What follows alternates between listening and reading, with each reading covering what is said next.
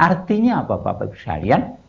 Apa yang kita keluarkan di jalan Allah, apa pun, ya, baik harta kita, tenaga kita, waktu kita, pikir kita, apa pun potensi yang kita keluarkan di jalan Allah, itulah harta yang hakiki. Nah oleh sebab itu, mari kita jadikan harta kita menjadi harta kita yang hakiki di akhirat nanti, yang tentunya menjadi amal soleh yang membersamai kita untuk sowan pada Allah.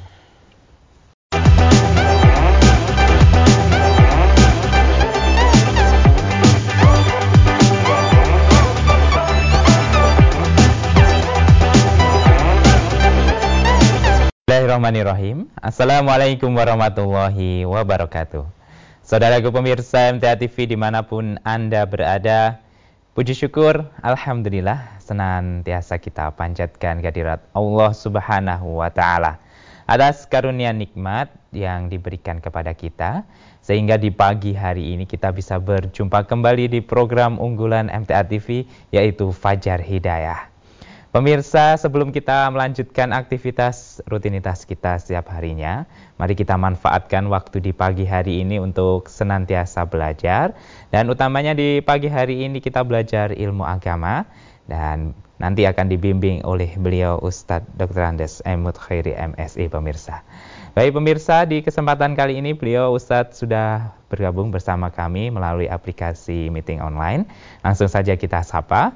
Assalamualaikum warahmatullahi wabarakatuh. Waalaikumsalam warahmatullahi wabarakatuh. Ya, Ustadz, bagaimana kabarnya hari ini?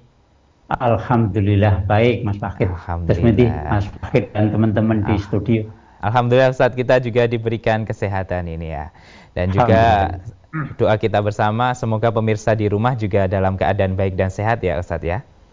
Jih, ya. Baik Ustadz, di pagi hari ini tema yang akan disampaikan tentang meraih kecintaan Allah melalui wasilah infak visabilillah ya. Insya Allah. Ya, baik pemirsa, tema hari ini nanti akan disampaikan oleh Ustadz terkait dengan meraih kecintaan Allah melalui wasilah infak visabilillah. Dan di pagi hari ini kita juga berikan waktunya untuk yang ingin bertanya atau berdiskusi terkait dengan tema hari ini. Silahkan menghubungi kami di line telepon 02716793000 atau di uh, pesan WhatsApp dan SMS melalui nomor telepon 08112553000. Baik pemirsa, di pagi hari ini kita akan dengarkan terlebih dahulu mukodimah dan penjelasan lebih lanjut terkait dengan tema hari ini. Silahkan Ustadz. Ya, bismillahirrahmanirrahim. Assalamualaikum warahmatullahi wabarakatuh. Waalaikumsalam warahmatullahi Innal hamdalillah nahmaduhu wa nasta'inuhu wa nastaghfiruh wa na'udzu billahi min syururi anfusina wa min sayyiati a'malina mahdiyadillahu fala mudhillalah wa may yudlil fala hadiyalah Asyhadu an la ilaha illallah wa asyhadu anna Muhammadan abduhu wa rasuluh. Allahumma sholli ala Muhammad wa ala ali wa ashabi wa man wala amma ba'd. Bapak Ibu dan saudara sekalian, pemirsa program Fajar Hidayah TV MTA, channel terpilih yang insya Allah dimuliakan Allah Alhamdulillah atas izin dan nikmat Allah di pagi yang cerah ini kita masih diberi suatu nikmat yang luar biasa besarnya. Ya suatu nikmat yang mulia yaitu nikmat kesempatan. Ya dengan nikmat kesempatan itu kita bisa berusaha ya memiliki kemampuan dan kemauan untuk bisa hadir mengikuti kajian forum ya pada pagi hari ini dengan sehat insyaallah walafiat. Maka mari nikmat yang besar ini kita syukuri ya.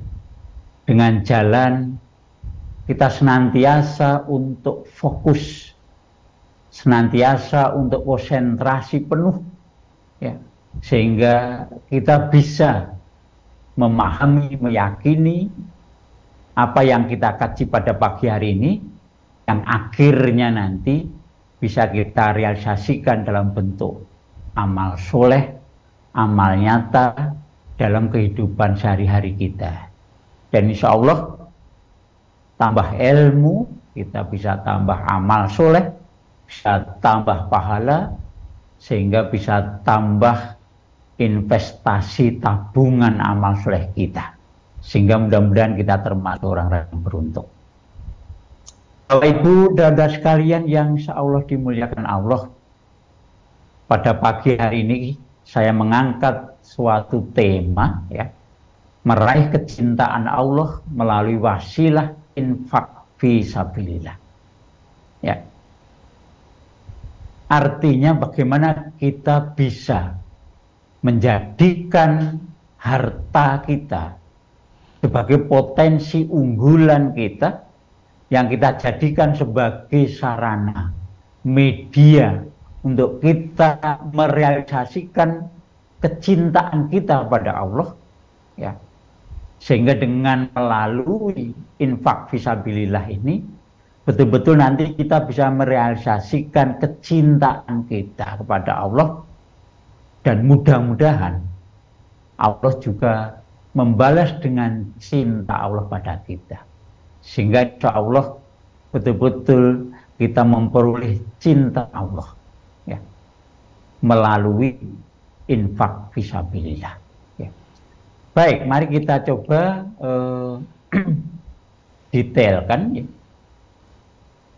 Kita sudah memahami ya bahwa pengertian definisi atau takrif mukmin yang betul ya bagaimana eh, ayat 15 surat Al-Hujurat yang sering kita bahas ya yang di situ Allah memberikan suatu definisi ya.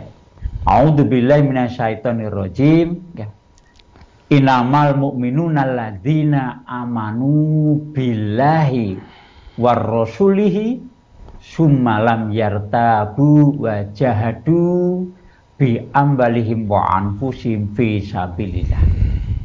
Ulaika humus ya. di akhir ayat ini Bapak sekalian Allah berfirman ulaika humus mereka itulah ya orang-orang yang benar imannya ya. di awal ayat ya ayat ini di awali dengan huruf pembatas, huruf khasar, inama, sesungguhnya. Ya. Artinya kalau tidak seperti itu, ya tidak. Maka orang mukmin yang betul adalah seseorang yang beriman secara benar kepada Allah. Yang beriman secara benar kepada Rasul. Dan iman pada Allah dan Rasul ini kemudian dibuktikan ya, dalam bentuk kemantapan, keyakinan sepenuhnya ya, untuk berjihad visabilillah dengan amwal wa antus, dengan harta dan jiwa mereka. Sehingga di sini, udah sekalian,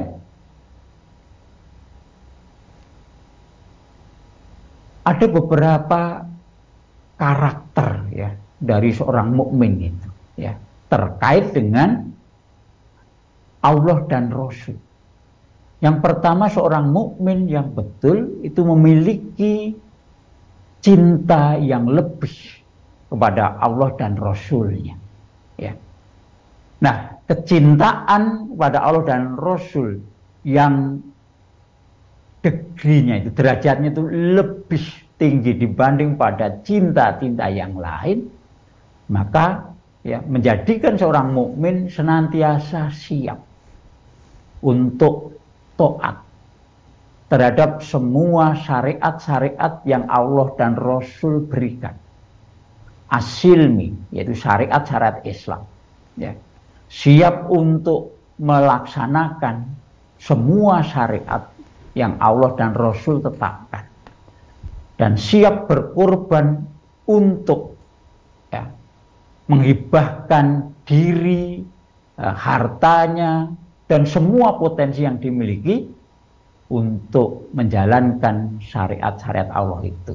Dengan kata lain, seorang mukmin yang betul nanti akan memanage aktivitas hidupnya yang merupakan realisasi cintanya pada Allah dan Rasul, kemudian kesiapan untuk taat terhadap syariat, untuk senantiasa siap untuk berkorban, ya, menghibahkan dirinya dan semua potensinya untuk beribadah pada Allah. Sehingga seorang mukmin yang betul hidupnya merupakan ibadah kepada Allah. Nah ini ya sehingga sesuai betul bahwa khalaqtul jin wal ins illa. Hidup seorang mukmin yang betul adalah ibadah, menghambakan diri kepada Allah dan tidak mempersekutukan Allah dengan sesuatu apa. Nah, mari kita coba uh, fokuskan uh, kata cinta lebih siap taat dan merupakan karakter ya karakteristik seorang mukmin dalam ya menghambakan diri pada Allah. Ya. Nah, dari ayat 15 tadi ya bahwa seorang mukmin beriman betul, yakin betul kepada Allah. Ya, maka nanti akan terrealisasi, akan tervisualisasi ya dalam ketauhidannya, ya, ketauhidan. Betul-betul kepada Allah yakin betul, ya. Secara rububiyah uluhiyah maupun asma wa sifat betul-betul diyakini. Artinya melalui sifat dan nama atau nama yang baik, asmaul husna dan eh, sifat-sifat e, yang terkandung di dalamnya dan e, kekuasaan yang ada di dalamnya, ya maka kita meyakini betul bahwa Allah adalah zat yang maha dari segala maha. Kemudian iman kita pada Rasul, yakin kita pada Rasul bahwa Rasul ada betul-betul uh, utusan Allah, Rasul adalah suri toladan dan hanya kepada beliaulah kita mencontoh. Sehingga setiap aktivitas kita, apalagi aktivitas ibadah, kita senantiasa ittiba'ur Rasul. Nah, dua keyakinan yang mantap ini kemudian direalisasikan dalam bentuk aktivitas jihad visabilillah. Artinya bersungguh-sungguh di jalan Allah untuk merealisasikan syariat-syariat Allah. Maka tiga inilah yang harus nantiasa kita ingat Bapak Ibu sekalian dan kita realisasikan. Sehingga ketika kita berhadapan dengan selain Allah, Rasul dan jihad, maka kita tempatkan rasa cinta kita itu di nomor empat. Artinya nomor satu ada cinta kita pada Allah, cinta kita pada Rasul, kemudian cinta kita pada jihad fisabilillah. Maka sebagaimana di surat At-Taubah ayat 24 itu betul-betul bahwa cinta kita pada Allah, Rasul dan jihad kita tempatkan di awal di nomor satu dua setelah atau sebelum cinta kita kepada delapan asnaf itu. Qul ingkana aba'ukum wa abna'ukum wa ihwanukum wa aswajukum wa ashiratukum wa amwalun iktarahtumuha wa tijaratun tasawna kasadaha wa masakinu tardaunaha ahabba ilaikum minallahi war rasulihi wa jihadin fisabilih fatarobasu hatta Allah bi amri. Wallahu la yahdi qaumal fasikin. Ini ya kecintaan kita kepada Allah, Rasul dan jihad fisabilillah ya kita tempatkan ya sebelum kecintaan kita pada delapan asnaf itu. Ya, orang-orang yang potensial untuk kita cintai dari orang tua kita, anak kita, keluarga kita dan seterusnya ada delapan. Silakan nanti dibaca di atau ayat 24 itu. Ya, maka kecintaan kita pada Allah kecintaan kita pada Rasul itu nanti akan berusaha senantiasa kita jaga dan kita jadikan sebagai target kita untuk meminit semua potensi yang kita miliki. Sehingga dari sini nanti kita akan coba untuk ya merealisasikan rasa cinta kita kepada Allah dan Rasul itu kemudian kita arahkan kepada syariat infak. Syariat banyak sekali ya yang kemudian dikemas dalam bentuk asilmi atau aturan-aturan Islam itu syariat-syariat Islam. Ya, dan setiap syariat Islam itu harus menjadikan seorang pelakunya akan menjadi lebih dekat kepada Allah, lebih sadar bahwa ya mereka itu adalah hamba-hamba Allah. Sibghatullah wa man ahsanu minallahi sibghah. Kemudian ditutup dengan wa nahnu lahu abidun. Kesiapan, kesadaran seorang mukmin ketika menjalankan suatu syariat menjadikan dia mukmin tadi menyadari betul bahwa dia adalah hamba dari Allah. Sehingga senantiasa untuk menghambakan diri dalam setiap aktivitas hidupnya. Ya. Bapak Ibu dan sekalian, kita fokuskan pada syariat infak. Nah, ketika kita mendengar suatu syariat, ya, yang kita dengar atau kita baca atau kita memperoleh informasi dari mana pun, maka ketika kita mendengar suatu syariat, ya, khususnya nanti adalah syariat infak, maka dalam hati kita sudah akan muncul nanti hada min fadli robbi. Ini adalah suatu nikmat kesempatan yang Allah berikan pada saya. Lihat luani an askur an akfur untuk menguji aku. Konteksnya di sini untuk menguji aku apakah aku mensyukuri harta yang aku miliki. Kalau seseorang sadar seperti itu, maka dia akan berusaha untuk ya memenuhi syariat itu dengan baik. Ya, untuk lulus dari ujian yang Allah berikan eh, padanya untuk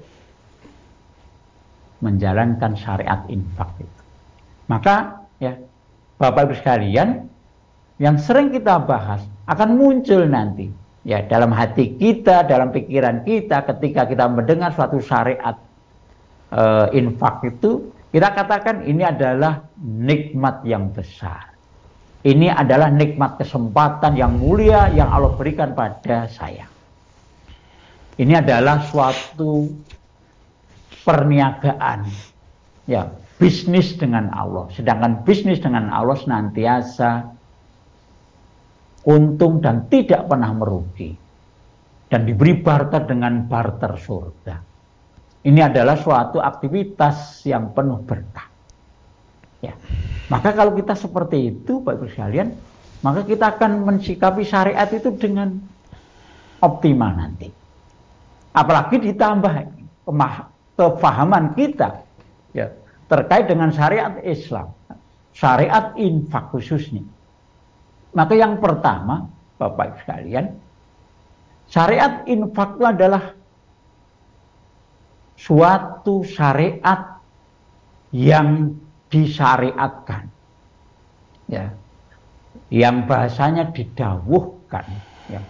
Allah kepada orang mukmin. Ya. Kita lihat di surat ke-47 Muhammad ayat 38 di sana dikatakan bahwa ha antum haula'i ya tud'auna litunfiqu fi sabilillah. Ya ila akhiril ya. Ya. Ingatlah bahwa sebenarnya kamu itu ya orang yang diseru yang diajak untuk menginfakkan harta kamu di jalan Allah Kemudian famingkum mayabkhol. Maka di antara kamu ada yang bakhil. Dan ketahuilah barang siapa yang bakhil fa innama yabkhalu an nafsi. Kenapa? Karena wallahu ghaniyun wa antumul Karena Allah yang maha kaya, kamu yang fakir. Nah ini Bapak bahwa syariat infak itu diserukan untuk kita. Sampai tahapan e, perintah, seruan infak itu bentuknya adalah enforcement, pemaksaan. Maka di situ dikatakan anfiku fisiri wa alaniyah ya. Berinfaklah dalam keadaan sir atau dalam keadaan terang-terang. Dalam keadaan berat atau dalam keadaan ringan. Artinya memang in all position siapa pun kita ya baik mohon maaf kita termasuk orang-orang yang diluaskan harta kita atau disempitkan harta kita itu kita semuanya mendapat kesempatan ya untuk melakukan syariat infak ini. Ya. Nah, ini yang harus kita. Maka infak ini sebagai suatu wasilah yang sering kita baca, yang sering kita bahas. Kemudian yang perlu kita tahu bahwa syariat infak ini adalah suatu syariat yang kita bisa gunakan untuk menambah tabungan investasi surga kita. Ya. Dalam hadis dikatakan yaqulul abdu ya. Berbicara atau berkata hambaku mali mali ini hartaku ini hartaku. Ya. Sementara Rasul ngendika bahwa wa inama lahu min malihi illa salah. Sementara ya bahwa seseorang itu ya, memiliki hak atau mendapat sesuatu dari hartanya kecuali tiga hal.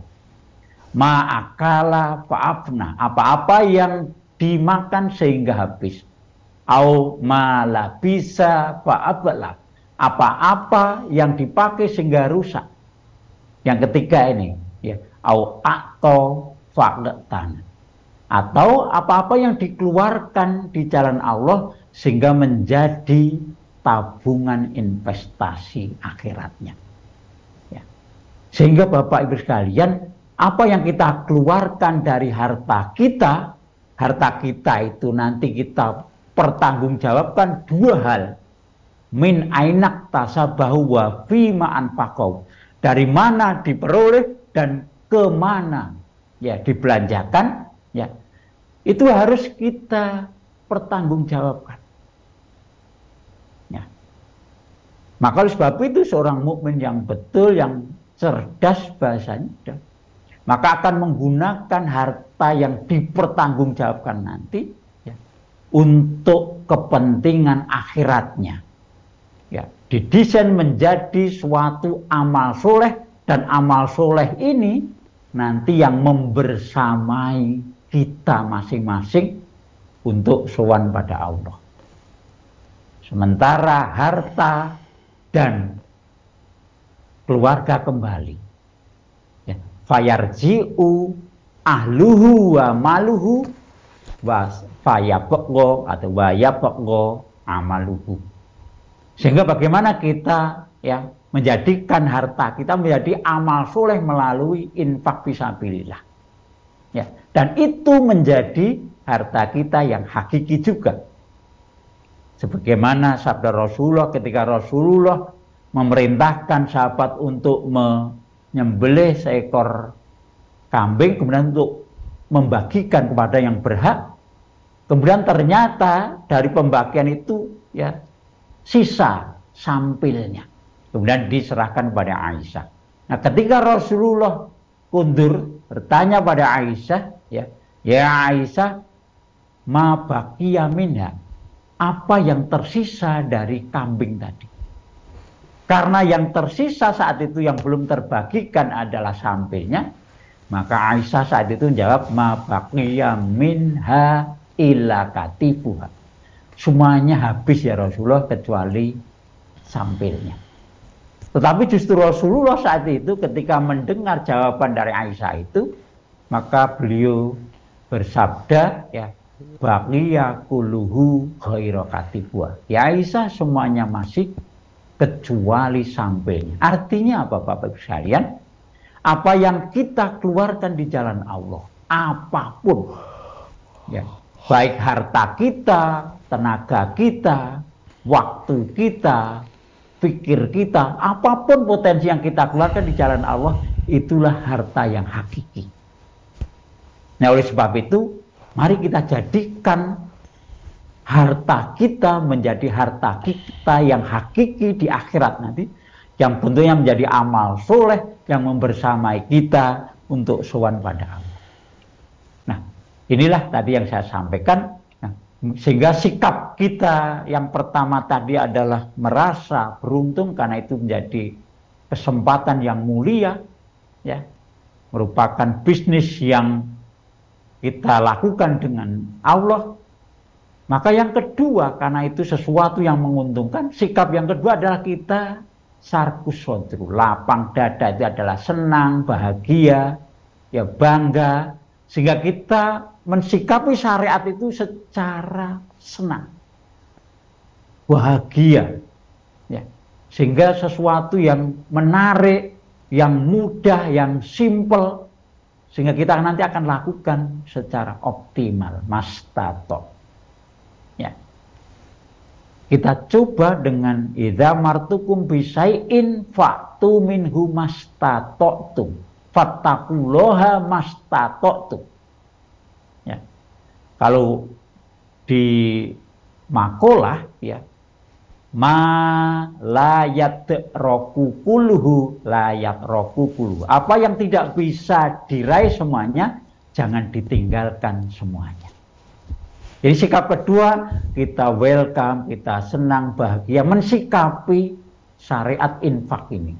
Kemudian sikap yang ketiga, bagaimana kita merealisasikan rasa cinta, eh, rasa senang, bahagia kita mensikapi dari syariat infak itu muncul azam, niat yang kuat untuk apa? Untuk bisa ikut, untuk bisa ngambil kesempatan ini untuk bisa mengamalkan syariat infak ini dengan usaha yang maksimal, siap untuk berkompetisi dan berusaha untuk menjadi yang pertama.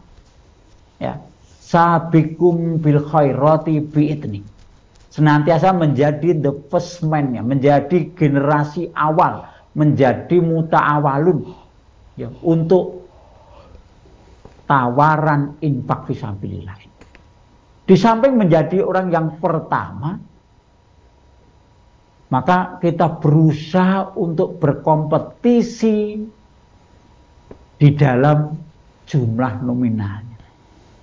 Ya, tentunya dengan usaha maksimal tadi kita akan peroleh hasil yang optimal. Meskipun Bapak Ibu sekalian, optimal kita ya itu belum tentu besar dari sisi nominalnya, jumlahnya. Tetapi kita sudah optimal. Kita menggunakan dalil, Bapak Ibu sekalian, ketika kita diberi suatu syariat, kita senang, kita segera untuk merealisasikan secara optimal. Ya. Karena yang dilihat, yang dinilai oleh Allah bukan jumlah nominalnya, tetapi kualitas dari kelurusan niat kita, keikhlasan niat kita, ya. Di samping itu kemaksimalan usaha kita. Ya. Rasulullah bersabda sabako dirhamun mi'ata alfi. Boleh jadi ya infak satu dirham lebih besar nilainya di hadapan Allah dibanding seratus ribu dirham. Nah ketika dijelaskan seperti itu, sahabat kemudian bertanya, Ya Rasulullah wa kaifah? Kok bisa ya Rasulullah? Kemudian Rasulullah menjelaskan Bapak Ibu sekalian, bahwa rojulun lahu dirhamani fa akhoda ahadihuma fatasodakobi. Seseorang memiliki dua dirham, kemudian diambil satu dirham dari dua dirham itu, kemudian disodakokan, diinfakkan. Kalau dilihat jumlahnya hanya satu dirham, tapi kalau dilihat dari kemaksimalannya, prosentase kemaksimalannya adalah 50%, separuh.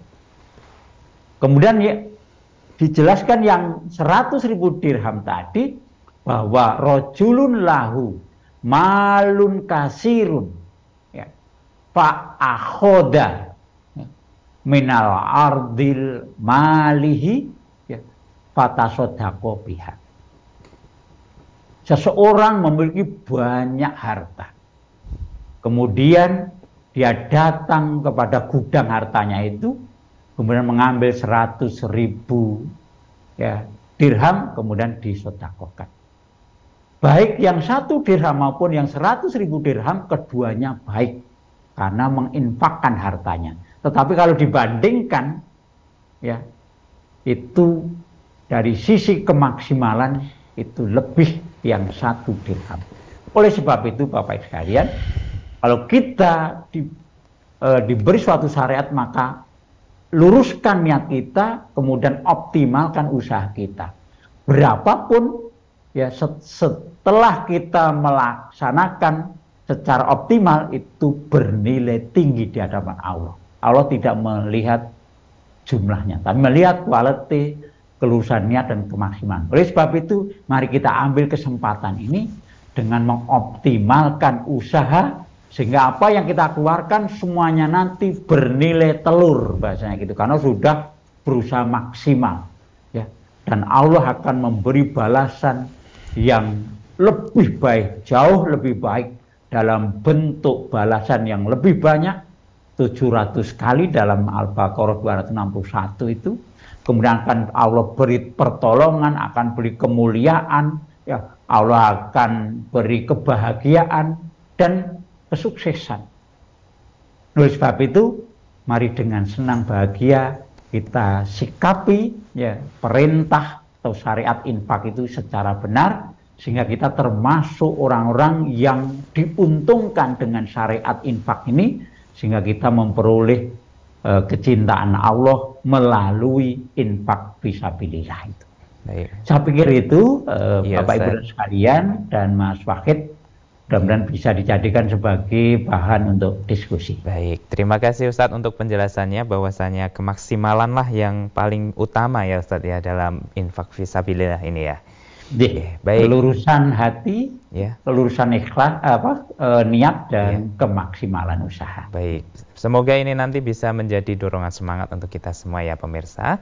Dan setelah ini nanti kita akan bacakan pertanyaan yang sudah masuk melalui pesan WhatsApp dan SMS di 08112553000 atau nanti para pemirsa bisa bertanya secara langsung dengan menghubungi kami di 02716793000. Jadi tetaplah bersama kami dalam program Fajar Hidayah. Saudaraku pemirsa MTA TV di mana pun Anda berada, terima kasih Anda masih bersama kami di program unggulan Fajar Hidayah. Di pagi hari ini kita masih bersama dengan beliau Ustadz Dr. Andes Emot Khairi, MSI pemirsa dan juga masih memberikan kesempatan untuk yang ingin bertanya secara langsung silahkan menghubungi kami di line telepon 02716793000 atau di pesan WhatsApp SMS 08112553000 pemirsa. Baik Ustadz, kita lanjutkan kebersamaan kita dan kita berikan kesempatan pertama untuk pemirsa yang ingin bertanya secara langsung di line telepon. Kita terima. Halo, Assalamualaikum. Halo, Assalamualaikum. Halo, Assalamualaikum. Waalaikumsalam warahmatullahi wabarakatuh. Dengan Bapak siapa dan dari mana ini? Dengan Bapak Yanto, Kalimantan Tengah. Baik, silahkan Pak Yanto di Kalimantan Tengah pertanyaannya. Assalamualaikum warahmatullahi wabarakatuh, Pak Ustaz. Waalaikumsalam warahmatullahi wabarakatuh, Pak Yanto. Tanya ini Pak Ustaz. Ya, terputus Ustaz sepertinya. Baik, nanti silakan diulangi kembali ya Pak Yanto di Kalimantan Tengah dan pastikan untuk sinyal dan uh, pulsanya masih ada ya. Kita coba terima kembali penelpon berikutnya. Halo, assalamualaikum. Halo, assalamualaikum. Waalaikumsalam warahmatullahi wabarakatuh, Pak Ustaz. Dengan siapa dan dari ya. mana ini? Waalaikumsalam warahmatullahi wabarakatuh. Iya. Ini dengan Bapak, Bapak Hadian, Pak Ustaz. Pak Hadian. Dari Pak. Bengkulu Selatan, Provinsi Bengkulu. Baik, silakan oh, iya, Bapak silakan, pertanyaannya.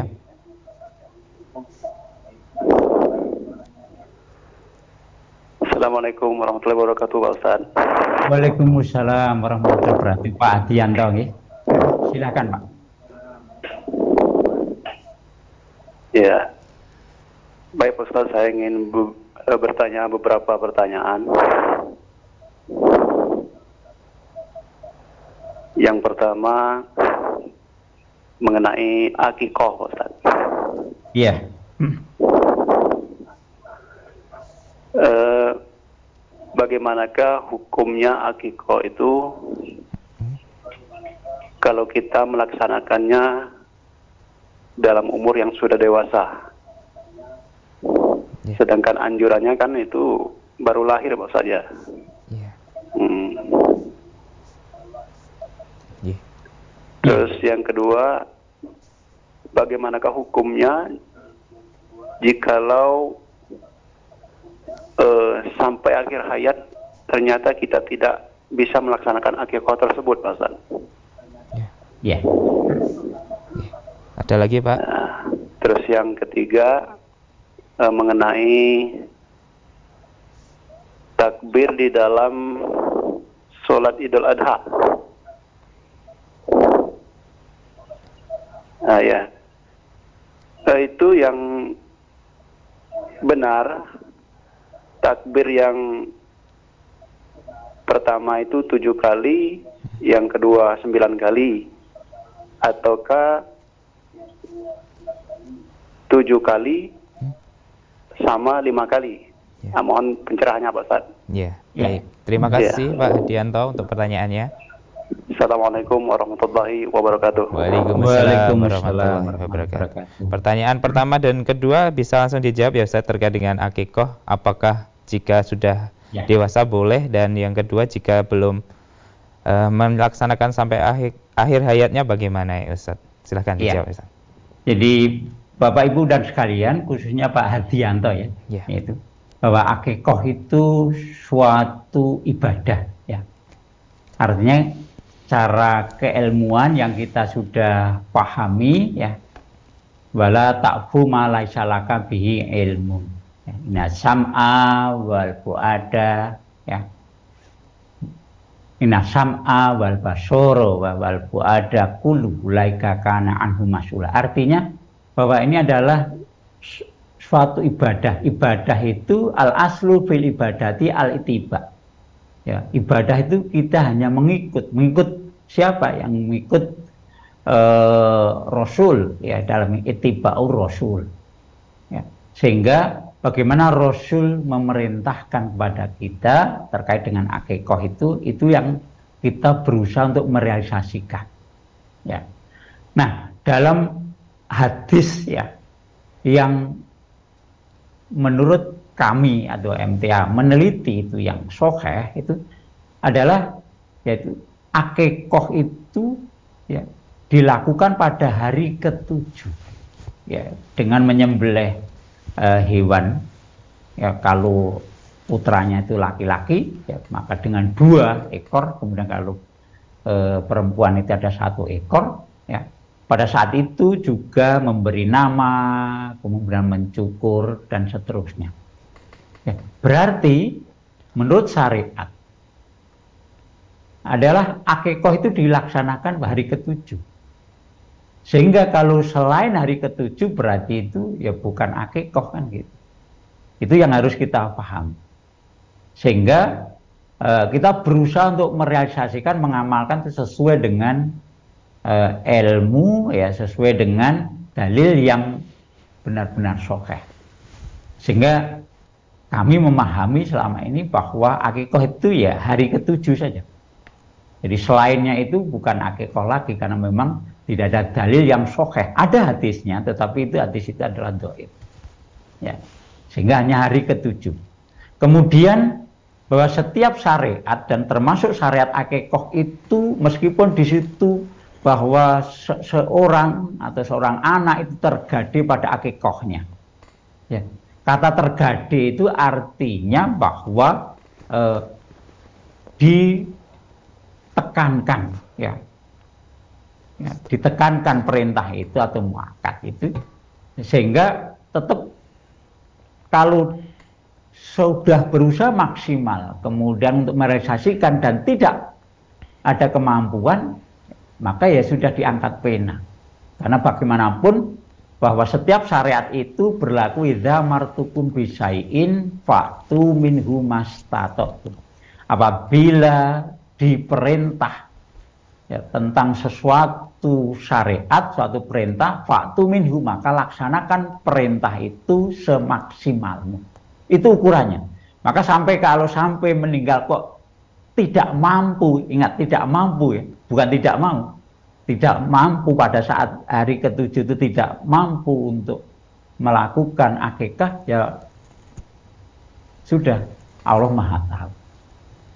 Itu yang jadi yang penting bagaimana kita memaksimalkan usaha ya sehingga betul-betul kita merealisasikan. Kalau mengetahui ini hari ketujuh maka sebagai seorang suami khususnya ya nanti ketika istrinya sudah ya mengandung hamil sampai mau melahirkan maka akan dipersiapkan semaksimal mungkin untuk bisa akikah. Kalau sudah maksimal tidak mampu ya itu namanya sudah di luar kemampuannya. Allah Maha tahu. Kemudian yang ketiga tadi apa gitu? Terkait dengan takbir dalam sholat idul oh, iya. Ustaz. Yang benar tujuh. Ya, jadi yang kita ya.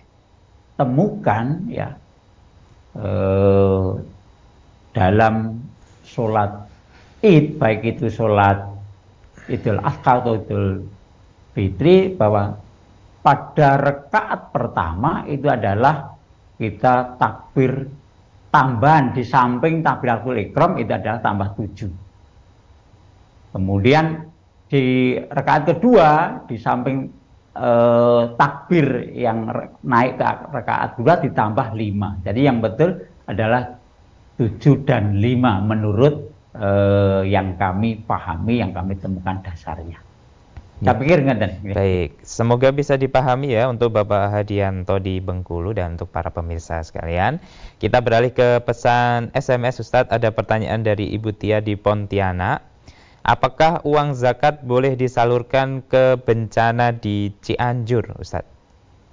Iya, jadi Bapak Ibu dan sekalian, ini ada kepedulian sosial bahasanya bahwa bahwa seorang mukmin senantiasa hidupnya itu senantiasa bermanfaat bagi orang lain ya.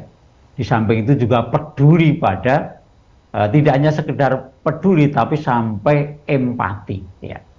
Kepedulian itu tidak hanya sekedar simpati tapi sampai empati sampai langkah real.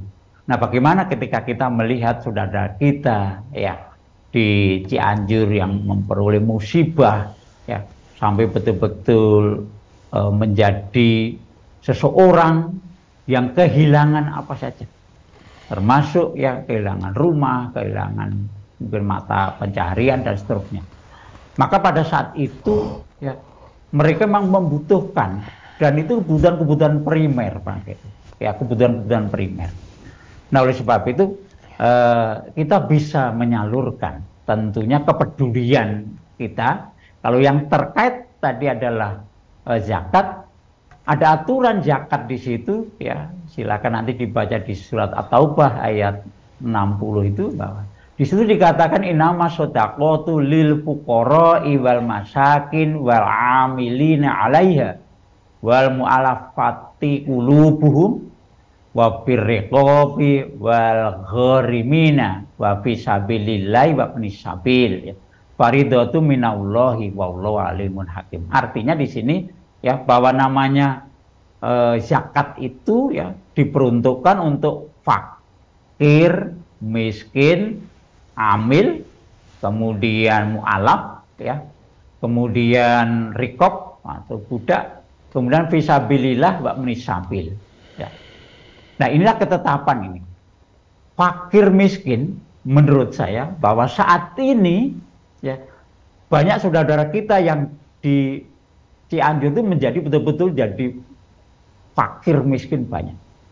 Karena kehilangan mulai dari hartanya, rumahnya dan seterusnya itu. Maka kalau memang sana masuk nih, maka termasuk fakir miskin yang bisa. Ya, sehingga boleh eh, zakat diserahkan ke sana. Tentunya dikelola dengan baik ya, sehingga eh, tepat sasaran. Ya. Nah, akan lebih baik tentunya tidak hanya sekedar zakat, karena zakat kan tertentu, ya jumlahnya kan tertentu sehingga ini bisa masing-masing kita yeah. ya menginfakkan harta kita sebagaimana yang tadi bahwa dengan menginfakkan harta kita insya Allah ya Rasul ngendiko bahwa uh, mana kosot sodakotun min mali bahwa sekali-kali tidak akan mengurangi ya tidak akan mengurangi Eh, harta yang kita keluarkan dalam bentuk infak sodakoh itu terhadap harta kita. Karena Allah akan memberikan pintu-pintu keran-keran eh, apa istilahnya harta yang nanti kita peroleh. Bayar suku min khaisu Allah akan memberikan rezeki dari arah yang tidak disangka-sangka, tidak kita sangka-sangka. Yeah. Sampai Allah juga yamhaqullahu riba wa yurbis sodakoh. Allah akan memusnahkan harta yang riba dan Allah akan menyuburkan harta yang kita keluarkan dalam bentuk infak atau zakat. Maka kita yakini betul Bapak Ibu sekalian, tidak hanya sekedar zakat barangkali sebanyak-banyaknya kita keluarkan karena itu sebagai harta kita yang hakiki, harta kita yang nanti bisa menjadi amal soleh kita yang membersamai kita menghadap Allah nanti. Ya, nah, mudah-mudahan bisa dipahami baik. dan mudah-mudahan kita juga termasuk ya salah satu yang bisa merealisasikan syariat infak maupun yakat ini untuk kepedulian kita pada saudara kita yang di Cianjur. Baik, terima kasih Ustadz untuk penjelasannya dan tidak terasa itu adi pertanyaan terakhir yang kita bacakan di kesempatan kali ini. Semoga Ustadz senantiasa diberikan kesehatan dan jumpa lagi di episode Amin. berikutnya Ustadz. Assalamualaikum warahmatullahi wabarakatuh. Waalaikumsalam warahmatullahi wabarakatuh. Baik saudaraku pemirsa MTA TV di mana pun Anda berada, demikian tadi telah kita ikuti program unggulan kita Fajar Hidayah. Kami mengucapkan terima kasih untuk partisipasi para pemirsa dan mohon maaf jika belum bisa membacakan semua pertanyaan dari para pemirsa. Akhirnya saya Wahid Arifuddin pamit undur diri. Alhamdulillahirrabbilalamin. Subhanakallahumma wa bihamdika asyhadu alla ilaha illa anta astaghfiruka wa atubu ilaik. Akhir kalam, wassalamualaikum warahmatullahi wabarakatuh.